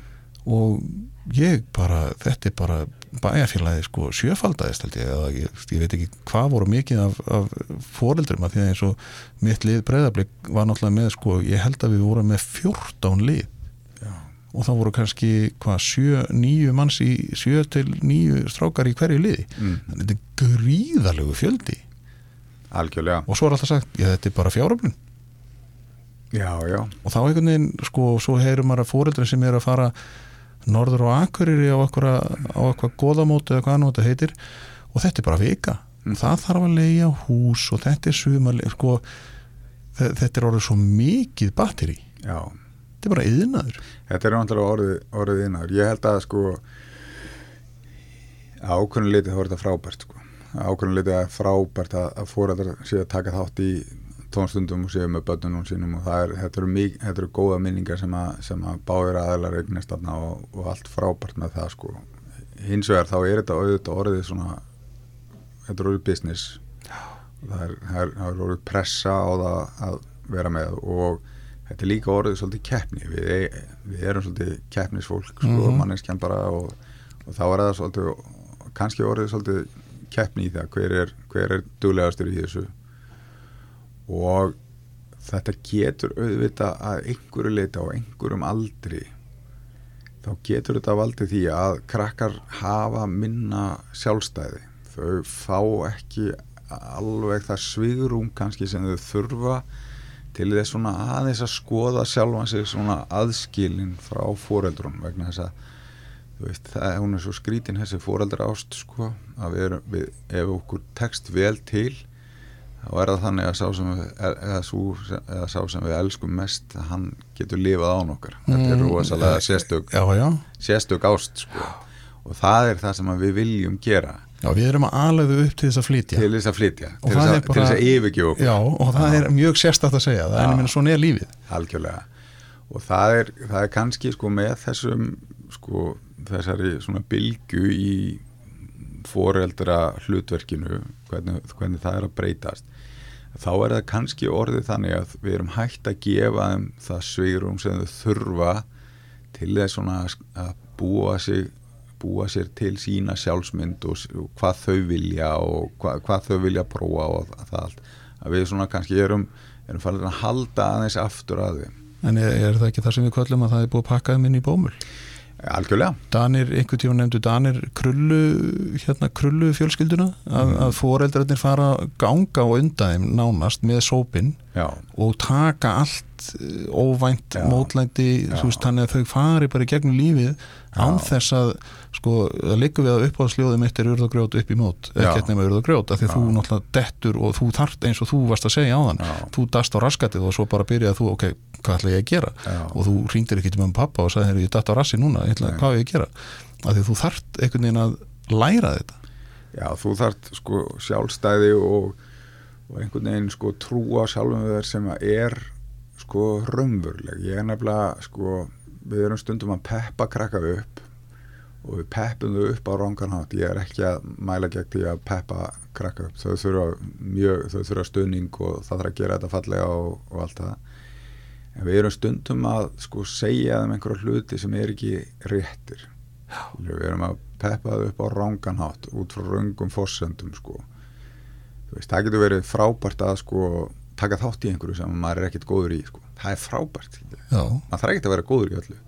En kannski að fá þó skilabóð að maður sé góður í þessu veist, en hinn hafi bara verið einhver ósangjarni við mann eða dómarinn einhvað sko, slæmur sko að, að það eru ekki réttu skilabóðin þannig að ég er ekki hrifin að því að, að búa til sko falst sjálfsöryggi en það skil ég það vel af því að þá náttúrulega var, ég er búin að hugsa mikið um hérna eins og söngkeppni samfés hmm. sem er náttúrulega samtök félagsmyndstöð á Íslandi og það er haldinn stór hátíð og það er söngkeppni Mm. þar sem eru 2500 manns í salnum og svo er, er rúf farið að standa sér rosalega vel í, í þessum sagt, að sína viðburði krakka og, ung, Mm. og ungmenna. Og svo er svona þegar að maður segir sko, æ þau voru svolítið fölsk. Hmm. og þá er ég alveg bara og hverjum er ekki bara því sama sko, Já. það maður bara sko, hvað skiptir það máli? Ég hefði mögulega ekki gert þetta. Nei, því þetta, veist, þetta er sko svo mikill sigur fyrir þau. Já algjörlega þá skiptir einhver máli, það er ekkit allir sem er ná þessu. Nei. þarf þetta alltaf, þurfum við Íslendingar alltaf að vera fullkomin. Já, því ég hef vort á þetta í Danmörku og það er sko sama höll sem að er notið undir sko fullorðnis hérna Eurovision, svo er bara krakka Eurovision og þau dansa semja og þau syngja svo yndislega falskt að Já. sko maður getur ekki annað en haft gaman að því að því að gleðin í augunum og krökkunum mm. er sko, hún er bara sko miklu meira virði heldur en allt annað algjörlega. Nei, ég held að þetta sé auðvitað, sko, skipti miklu máli í kringum tómstundir sko, að þetta er ekki keppni, þetta er þetta er pælingi í því sko, hvað, hvað, hvernig nær þú að tjá þig sem einstaklingu bæði fullornir og, og bötskilu ég, veist spila körubólta ég kann ekki, eða þú veist, ég get ekki körubólta það skiptir einhver máli, ég heiti vini mína mm. við spilum saman einu sinni viku ég tek námskeið í oljumálun get ekki málað en, en mér finnst það bara gaman. Það Mhm. gerir einhvað fyrir mig sko. Og það er svolítið svona þessi nálgun sem við þurfum að hafa í tómstundunum að maður, maður er ekki að þessu fyrir einhvern annan maður er ekki að þessu vegna þess að þetta er einhver keppni maður er að þessu bara vegna þess að þetta gerir einhvað fyrir mig. Skilurðu? En þá kannski að því að nú umræðurni kannski átt að vera meira depurð eða þú veist ekki það þetta tengist allt. Við kannski þegar við vorum strákar þá var mesta ógnin krabbaminn og kaldastriðið já, krabbamein er nú því miður og er uh, bara því við erum miður en þá til staðar og, en það hefur orðið miklu betra. Mm. kaldastríðið er farið en svona spurning hvort það sé að, koma aftur. En og við náttúrulega sátum með pop og kók þegar það var ráðast inn í kúvætt Mm. eins og þetta væri bara hérna, einhverja áramóta sýning í sjónvarpinu. En núna í dag og jú, maður las um Falkland segja stríðið í mokkanum. Já, já. þú veist, og maður var bara, hvað er að gerast? En svo skiptaði engum máli þegar þetta var svo langt í burtu. Mm. en núna sko tengi stepur krakka og og einhverju þessu með að upplýsingaflæðið er náttúrulega bara það gerist eitthvað og þetta er bara komið strax. Já, já, það, það auðvitað gerir það ákveðinu leiti og það er auðvitað svolítið mikill hræðslu áróður sko, maður sér oft sko fjölmeila sem er að sko miðlengur til krakka að þau ég er stundum finnst mér að alveg rétt að sko dempa hlutina aðeins sko, það er þau fá svolítið skilabóð að það sé alltaf að fara til fjandan sko, Mm. þú veist, umhverfismálin að þetta sé bara, þetta sé bara dagaspörsmál sko, að, að þetta bara fyrir allt til anskotans og það eru auðvitað það eru auðvitað eitt sko, þau eru undir þau eru að fá miklar upplýsingar og upplýsingar úr fjölmiðlum og samfélagsmiðlum. Það er bara þannig að, við erum gýruð bara sem mann, manneskjur. Við erum gýruð inn á það að takin neikvæðarfréttir mm. ef maður er bara alltaf jákvæður og svona, þá lifum maður ekki sérstaklega lengur. Við erum gýruð til þess að vera neikvæð vegna þess að hjálpar okkur. Skilur, en, en sko svo getur neikvæðin orðið orðið og mikið og við getum orðið bara först í því að þetta sé allt á bara að fara til helvitis fara til helvíti sko þá kemur upp auðvitað þessi, þá verður auðvitað döpur og kvíðin sko. En svo er það líka auðvitað þetta að, að þegar við vorum alast upp að þá voru engir kvíðnir strákar skilur það voru engir strákar sem voru kvíðnir eða dabrir í kringum okkur. En þeir voru auðvitað þeir bara, bara þeim var ekki leift að segja það.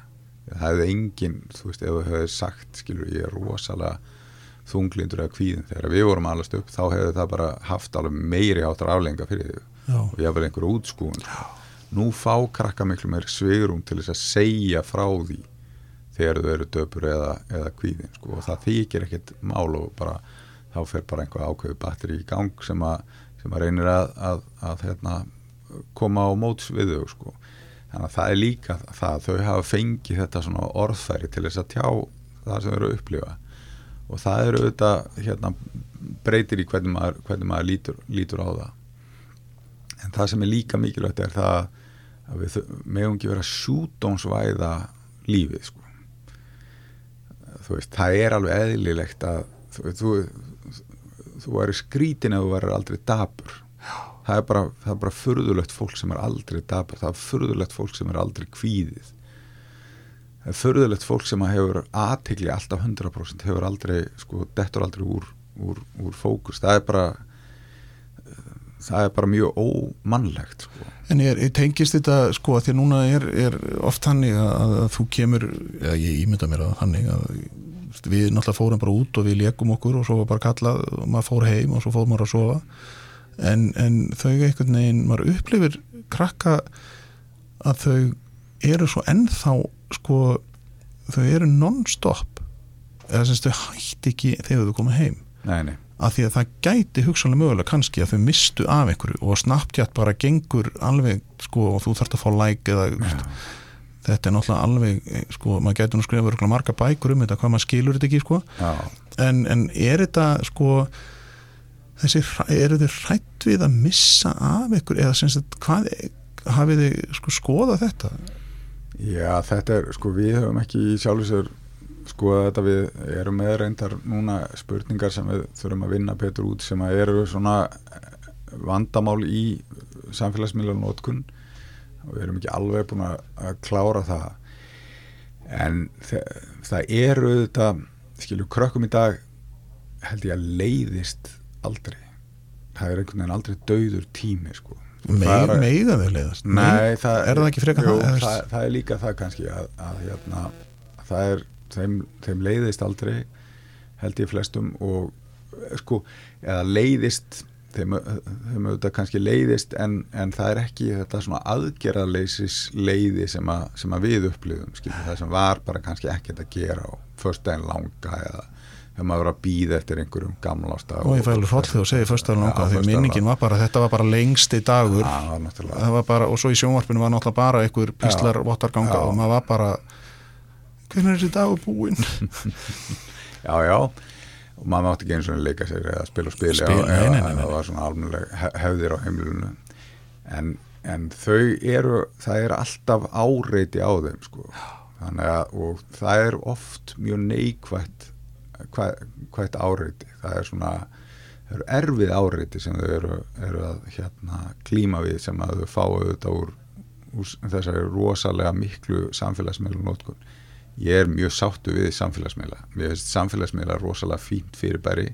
Mér finnst tæknin, tölvutæknin frábær skilur þessi krakkar eru miklu upplýstari heldur en við vorum nokkuð tíman Já, við vorum náttúrulega gengur bara um í blindni. Við einhvern veginn vissum ekki bara Nei, nei, en málið er svolítið þegar svona mikla tæknibreitingar verða að þá bara eru við mannfólki ekki alveg með tögakerfi til þess að takast á við það sko. Þannig að við, við sko lendum sum okkar í svolítið vandræði með það hvernig sko að því að við sköpum tæknina og svo skapar tæknin okkur. Skilji, við breytumst tæknin breytir okkur. Já. við sjáum það alveg sko er búið að gera tögafræðilega rannsóknir á því að til dæmis aðtegli og, og annað sko hefur það voruð mikla breytingar á því bara á þessum stuttatíma þannig að við erum kannski ekki alveg bara farin að ráða við það að hafa þessa tækni. Ég held að það sé alveg hægt að ráða við það en við þurfum aðeins að, að hugsa okkar gang og, og svona Arnar Holm sem var hérna í, í síðasta þætti vorum að tala um raf íþróttina hann segir svolítið svona að munurinn kannski á kynnslónum er að við einhvern veginn sko lendum í þessu Já. á meðan krakkarnir okkar sko bara fæða, þetta er bara, fyrir þeim er þetta svo eðlislegt en á meðan við erum svona, neður við býtum nú við Já. við viljum að þið tali saman Já. og þau eru samt alveg að tala saman alveg á miljón sko. að því ég var að segja honum að einhvern tíman aukvöldu eða stelpan mín, hún, dóttur mín hún var að hérna, tala við vingunni sín á Snapchat Já. Og þetta voru sko 70 skilabóð sem gengum milli. Og ég leiði, akkur ringir ekki bríðana og hún leita á mig eins og ég væri nú bara eitthvað sko, það, þetta var eitthvað mjög skrítið. Og, og, og að því að ég ringdi í vinkunum mína í, þegar ég verið í mentarskóla, það stundu tók þrjá tíma og svo heyrðu ég að koma til þín. Og þá helt samtalið áfram að þetta er einhvern veginn það sem við erum að glýma við. Að maður sko vorum svolítið að tala um, ég og Arnar um, um kannski hræðsluna við. Þú veist, að foreldra til dæmis fara á fókbóltæðingar eða veist, í þessa tónstundi sem krakkanir eru eins og leiða kemur á tölvum til dæmis og þessum samfélagsmiðlum mm. að þá allt í hennu segir bara foreldrið bara, nei þetta er ekki hægt mm -hmm. eins og það sé ekki sko kannski áhugamál Mæni.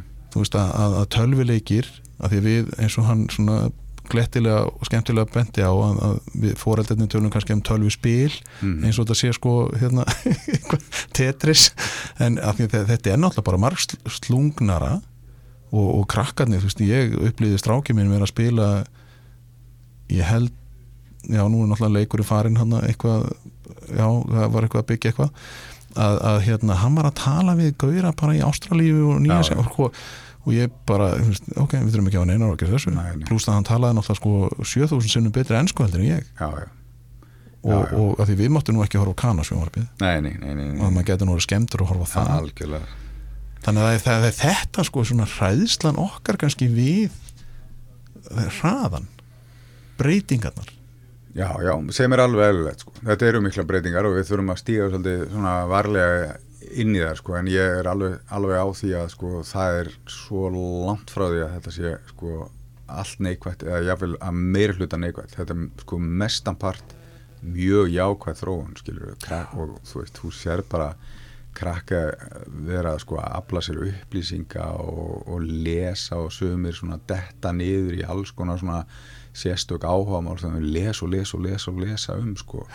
Og það er bara ótrúleg sko ótrúleg gæfa að, að, að alast upp við. En ég er samt þannig að mörg þeirra ráð ekki við þetta. E, e, samt þegar ég mörg sko þá, þá er ég ekki að tala um flesta. En, en þau þurfa smá svona veist, við mögum ekki eh, sko taka lífið úr jafnvægi. Það vera það, það þurfa að vera aðri hlutir í gangi heldur en bara heldur en bara þetta og öll samskipti til dæmis sko, það, það er annað að eiga samskipti við eins og við erum að eiga augliti til auglitis heldur en í gegnum einhver, einhver tæki. Það er bara þannig, við erum bara með þannan apaheila mm -hmm. sem við erum ennþá með sko, og hann svolítið þrýfst á því að við eigum samskipti augliti til auglitis það bara auðveldar okkur lífið við verðum dregur og ótt okkar og, og svo framhegis En er, er þetta með það því að nú er, nú er hérna, ég þóttist nú aldrei sem verið að frelsinu fegin þegar börnum mín eruð 18 ára núna um daginn og ég sagði bara nú er því að fullorinn mm -hmm. en nei þá þeir eru nú samt sem aður að tilkynna veikindin í skólan ég var, ok, þetta finnst mér undarlegt en, en hérna sko og þetta með að eins og að ringja í fólk mm -hmm. nei getur þú ekki gert það? Já núna er þetta reyndar orðið mantran hjá mér það er bara, nei, nú ert þú nátján en eh, sko þetta með hræðsluna við að sko eins og þú segir, þetta óþekta eða, eða sko, hvað er það? Er einhver sem býtur þið á hinumendunum eða? Já, sem er mjög sérstætt vegna þess að hérna þegar við vorum alast upp að þá var hann náttúrulega sko úlingurinn hangandi í símanum sko endalöst sko Já, eins og ég segi, ég var þrjá tíma að tala við vinkonu mína og, og svo þegar ég lagði á og þá er hvert að fara, ég er að fara til hennar. Nú, byrju, hæ, varst ekki að tala við henni þrjá tíma? Jú, við þurfum að klára samtalið. Nei, ég held að sko það sé kannski það sem við þurfum að hugsa eins um að við erum auðvitað kannski þó að tæknin hafi tæk, tækninni hafið fleikt fram að þá eru við samt sko sömu sömu hérna einst, eða sko svipaðir einstaklingar og voru hérna fyrir sko 10.000 árum skilur við, okkar taugakerfi hefur ekkert breyst þannig lagað að við eigum auðveldara með þetta og, og mér finnst alltaf svolítið skemmtilegt að hérna góð sálfræðir ansók sem að síndi fram á það sko að, að því að við setjum hérna á móti korðurum sko að ef að ég væri með sko ef við værim ekki þessu útvarssetupi sko, heldur sætum saman bara á kaffehúsu ef ég sett síman minn upp á borðið þá mingar tröst þitt á þessum samskiptum um 25% Já.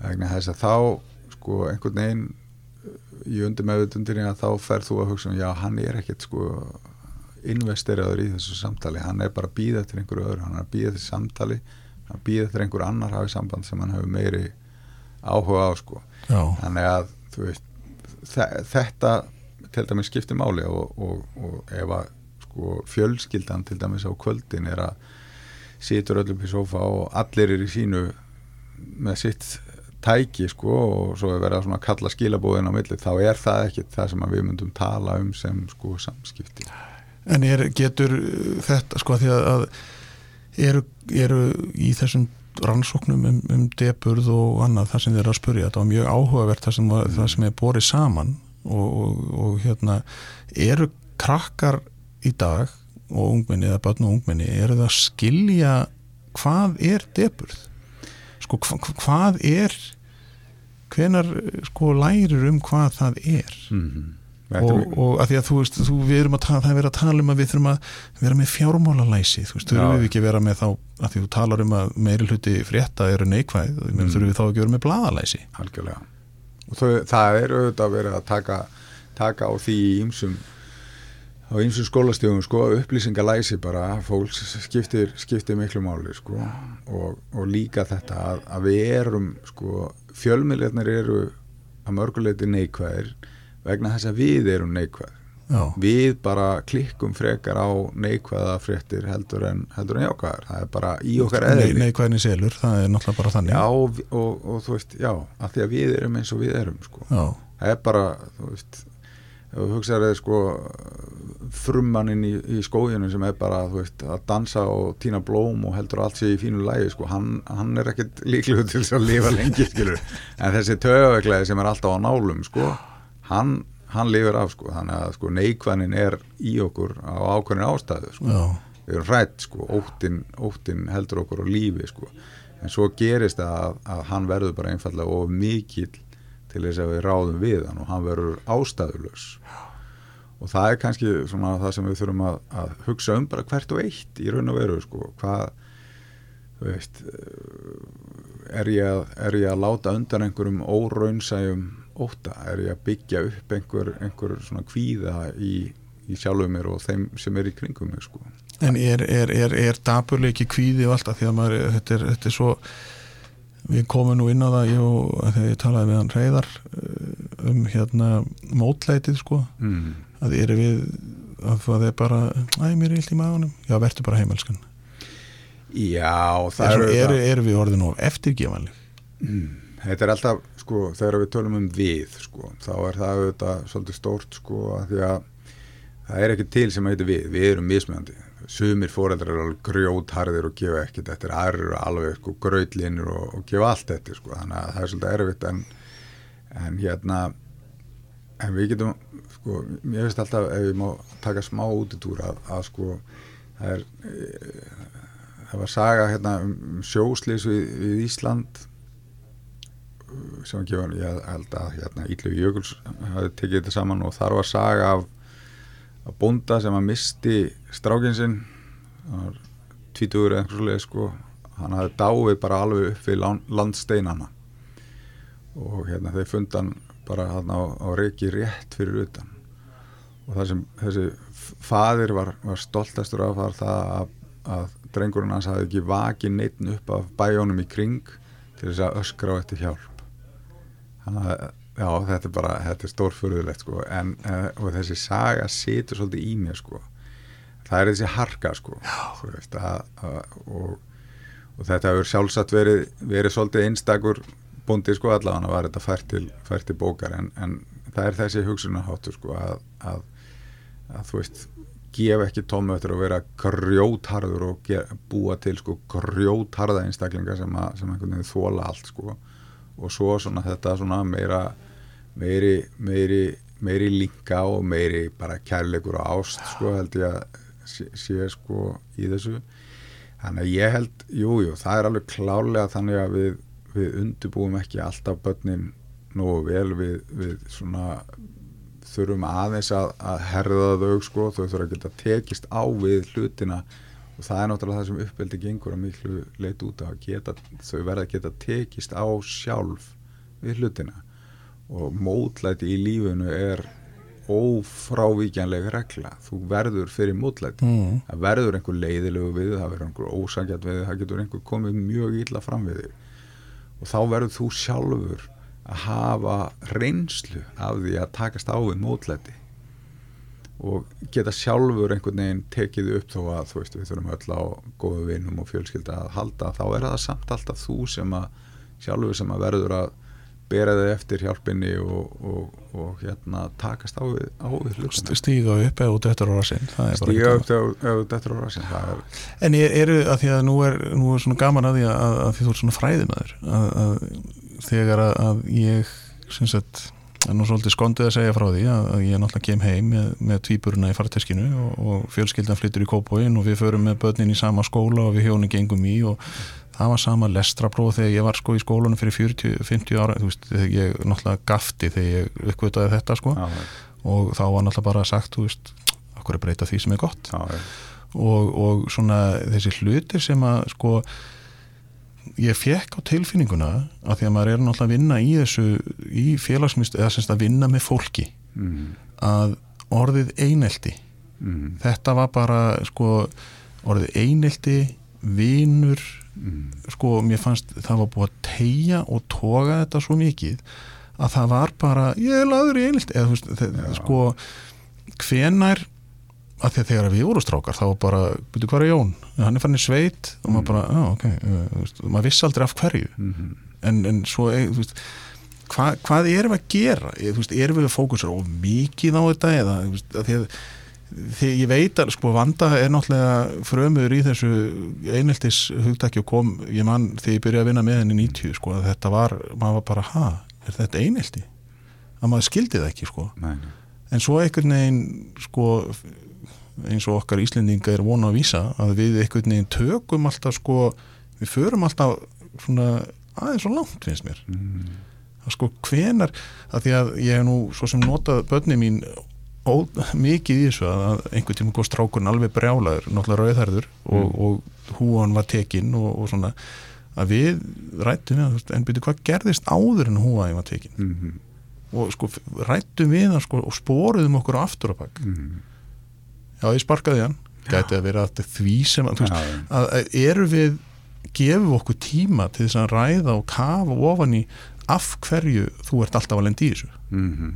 eða öskru við úlfur, úlfur? Eða sko hvað, svona þú sem fræðumæður eða veist, ég veit ekki eða ekki einu, eða bara faðir? Já, það, ég held að sko þá komum við aftur inn á þetta sko hvernig óttinn stýri manni í fóreldra hlutverkinu sko. Þegar við heyrum einhver svona okkur grunar einhver svona þá auðvitað förum við oft í mjög, þá verða viðbröðum mjög sterk sko. Það er bara, það er bara mannlegt sko. Mhm. við, við bregðumst mjög sterkt við því ef, við, ef okkur grunar að börnun okkar sé að verða fyrir einelti. Og það er, og sko einelti er oft það versta sem maður getur ímyndað sér. Er bara viðbjöður Já, þú veist, það er einhvern veginn sko, ef að batna á í eruleikum í skóla þá er það bara einhvað, já, já, við dílum við það en ef það er lagt í einelti þá einhvern veginn finnst okkur bara heiminin og hrinja yfir okkur. Þannig að ég held að sko, við höfum alltaf verið með sko, sömu skilgreininguna á þessum spurningum. Sérsagt við gefum þeim ákveðna skilgreiningu og það er til dæmis ekki einelti ef að tveir jafnir, jafn sko sterkir einstaklingar er að takast á eða þú veist. Og við gefum þeim alls konar svona fyrirvara sko, það, þú veist að það er ekki allt einelti og, og hérna en það sem við höfum séð auðvitað er að það hefur dreigið mjög mikið úr þessu á, á Íslandi. En við erum samt alltaf að sko heyra í fjölmiðlum sögur um það það sem að bara krakkar get ekki farið í skólan og jáfnvel hafa bara gengið svo langt að taka í líf vegna þess að þau fá ekki frið fyrir skólafélagum þannig að sko ég held að þetta sé ekki þetta sé ekki ofmat á vandanum. Ég, við höfum, eins og ég sé, við höfum náð miklum árangri og þetta auðvitað sko sko við, við þekkjum líka bara sem fullari fólk sko að það er fullt af fólki í kringum okkur á vinnustöðum og annað sem að bara leggur í einelti. Fullt af fólki sem er, er lagt í einelti á Mm. fullorins árum sko. Og þegar maður fyrir að spá í það sko þeir sem að gera svo leiðis er líklegt að þeir hafi verið sjálfur að leggja í einelti í æsku. Mér finnst það mjög, mjög trúlegt sko. Þannig að þetta verður einhvern veginn að því að sko einelti eru þetta svona valdatæki. Og það er það sem að sko krakkarnir náttúrulega upplifa.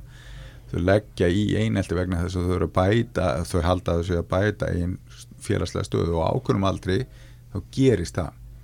Skilur mm -hmm. krakkarnir í kringu þau það bara passa sig á því að lenda ekki í þeim sko að því að þú vilt ekki verða fórnalambi og þá ferðu svona kannski svona vingast við á vegna þess að krakkar eru engi vittlýsingar og þau vita það. Ef það er einhver ógn þá er betra að vera bara á vaktinni og betra bara að hafa óvinnin sem næstir sko til þess að já. svona geta neutralisera hann sko sem, sem mest sko. En svo auðvitað svo auðvitað sko ákveðnum aldrei þá missir sko eineltið sem sagt kraftin sko en einstaklingurum getur að halda áfram að beita því á sko þá sem eru minni máttar og að alla æfi sko. Það er rannsókn sem sína að, að sko þeir sem hafa lagt í einelti í 7-9 ára aldur eru miklu líklegri til þess að beita heimilisofbeldi og, og, og fá dóma á sig og, og allt, allt þess aftur sko. það er óhuglegt.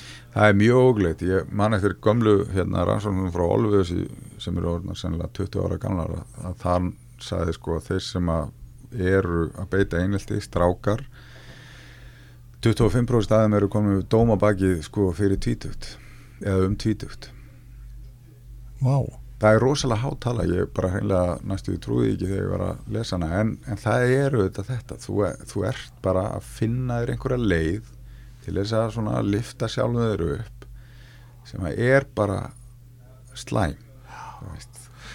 En er, er, er hérna, sko núna er ég að hugsa líka um að, að auðvitað náttúrulega líka tengis kannski að þegar að batt kemur heim og þú veist, að það kemur í ljós að það er lagt í einildi Mm. að maður veit ekki hjá fóreldri, viðkomandi fóreldri getur líka grassiðar sko óútkljáð mál algjörlega. frá sínum eigin ferli skiluru í, í grunnskóla já, sem hefa aldrei verið tækluð. Algjörlega og, og svo að hugsa maður reyndar náttúrulega því að, að á þessu erindi sem að við, sem við fróðir fóreldra voru ég man ekki hvort það var hérna, erum við að klúðra málunum eða Mm. hvað það hétt sko að, að mér verður alltaf hugsa til að það er verið að tala um eins og grunnskóla kerfið eins og veist, það er náttúrulega mikið eftir við þurfum að læra hluti já, já, en sko hvar hvað sko þegar maður mætir í sinn eigin gamla skóla og börnin er að taka sama lestrapróf og ég fyrir 40 árum eða hvað það var nú var skilur, þá verður maður hugsi.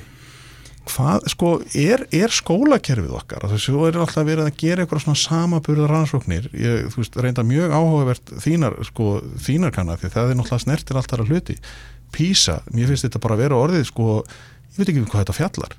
Nei, nei og, og sko grunnskóla kerfið getur við ekki bara fara að segja hefur eitthvað breyst? Er ekki ennþá 40 mínútur, það voru 40 mínútur þegar ég var í skóla. Mhm.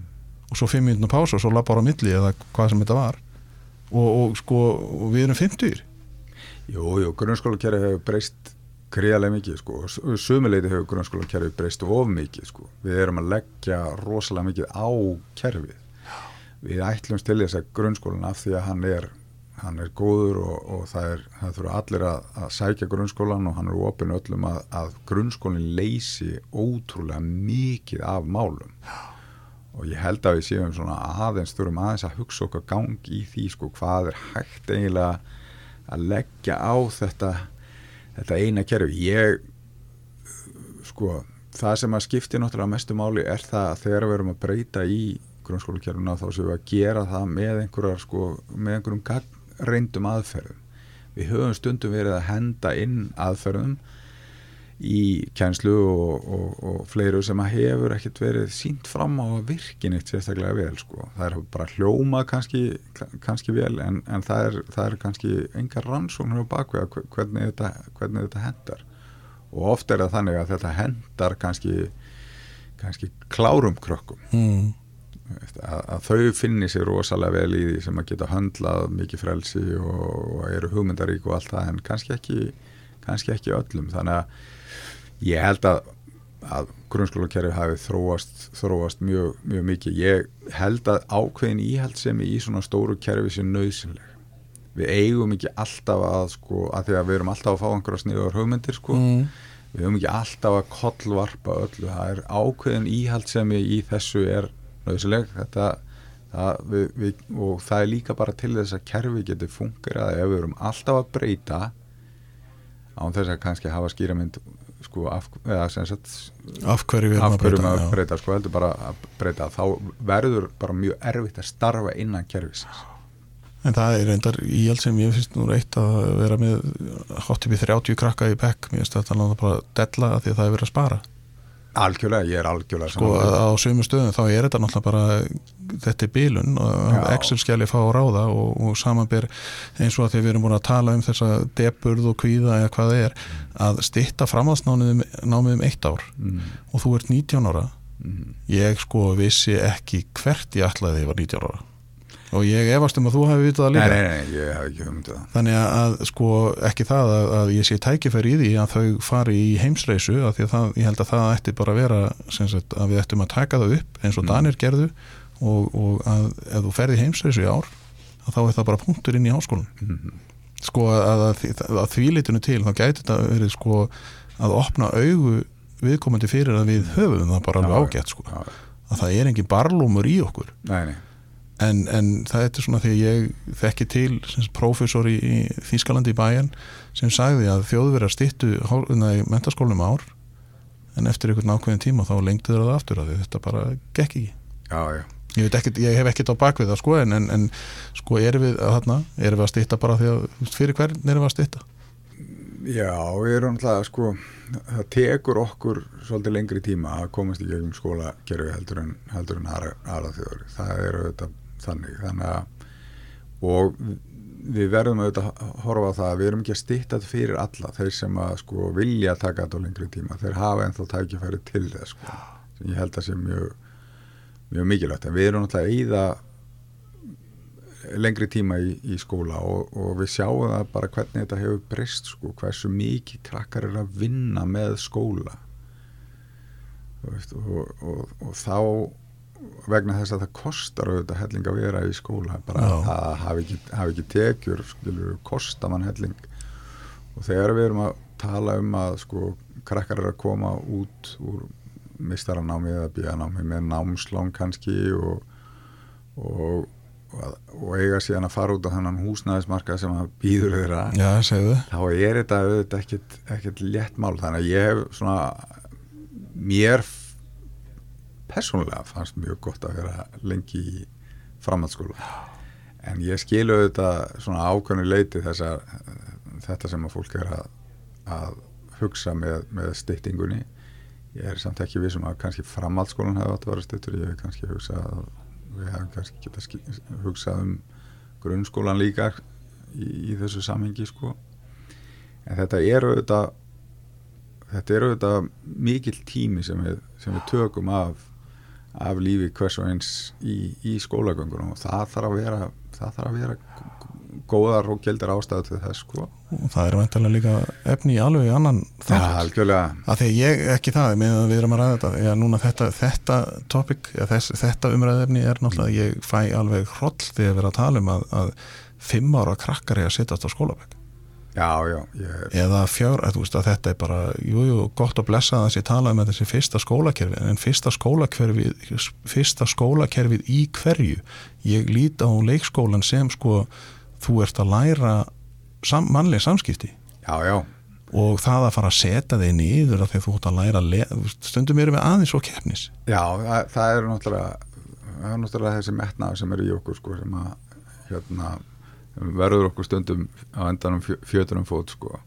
ég held auðvitað að þú veist, auðvitað ég að krakkar að veist, læra nöfn á dýrum og ein, einhvað svona skemmtilegt sko, í, í leikskólanum og þau að læra samskilti og, og allt það og ég, en hérna en ég held líka ka- kannski við að hugsa þessar skólagöngu sko út frá meira út frá umhverfinu sem að ég sko íhald sem í lestrabókum svona fer ekki mikið í töðan á mér en íhald sem í kennslu umhverfinu kannski er, er svolítið farið að fara í töðan á mér sko. Ég held þetta þessi hu- hugsun að sko krakkarnir séu inn í skólastofu allan daginn og eigi að halda fullri einbeitingu þar og jú, jú, þau fara fá fríminútur og, og, og fara í leikvimi og einhvað svona og einhverjir er að prófa sig áfram með svona út í kjenslu sem ég held að sé frábært sko.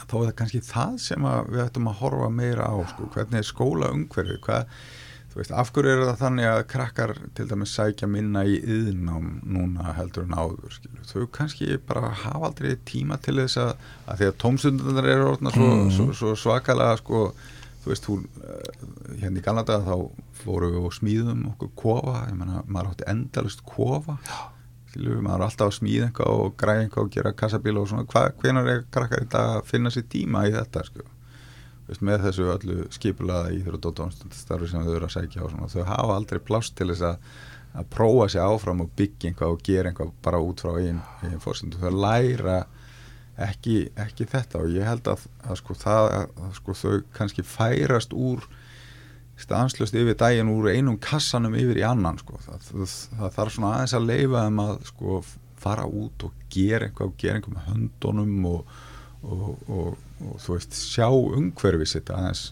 aðeins betur. En erum við ekki, erum við ekki þetta er búið að vera alveg ágætist tími hjá okkur?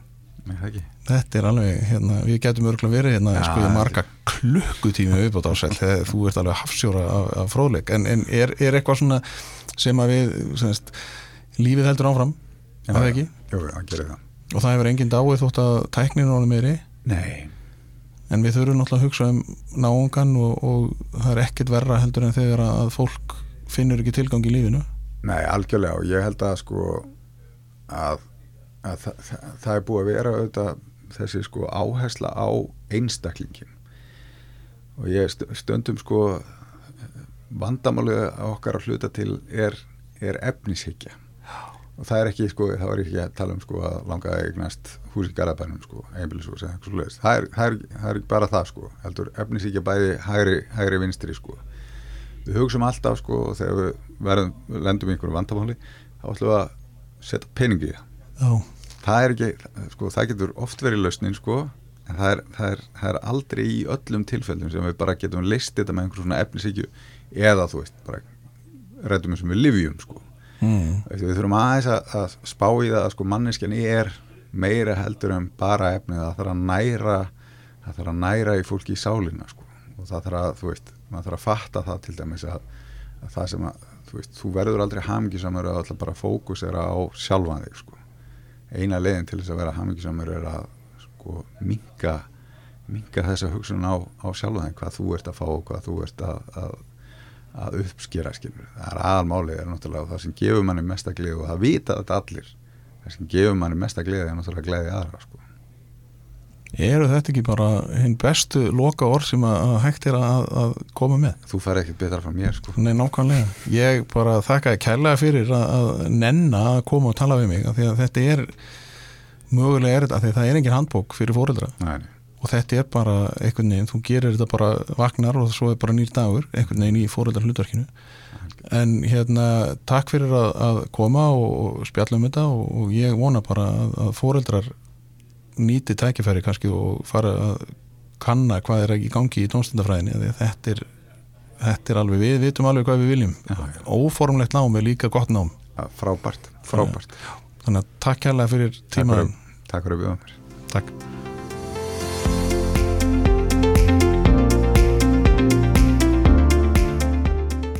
Kjarnin í samstarfi við Storytel býður þér að hlusta frítt á þúsundir hljóðbóka í símanum þínum í 30 daga.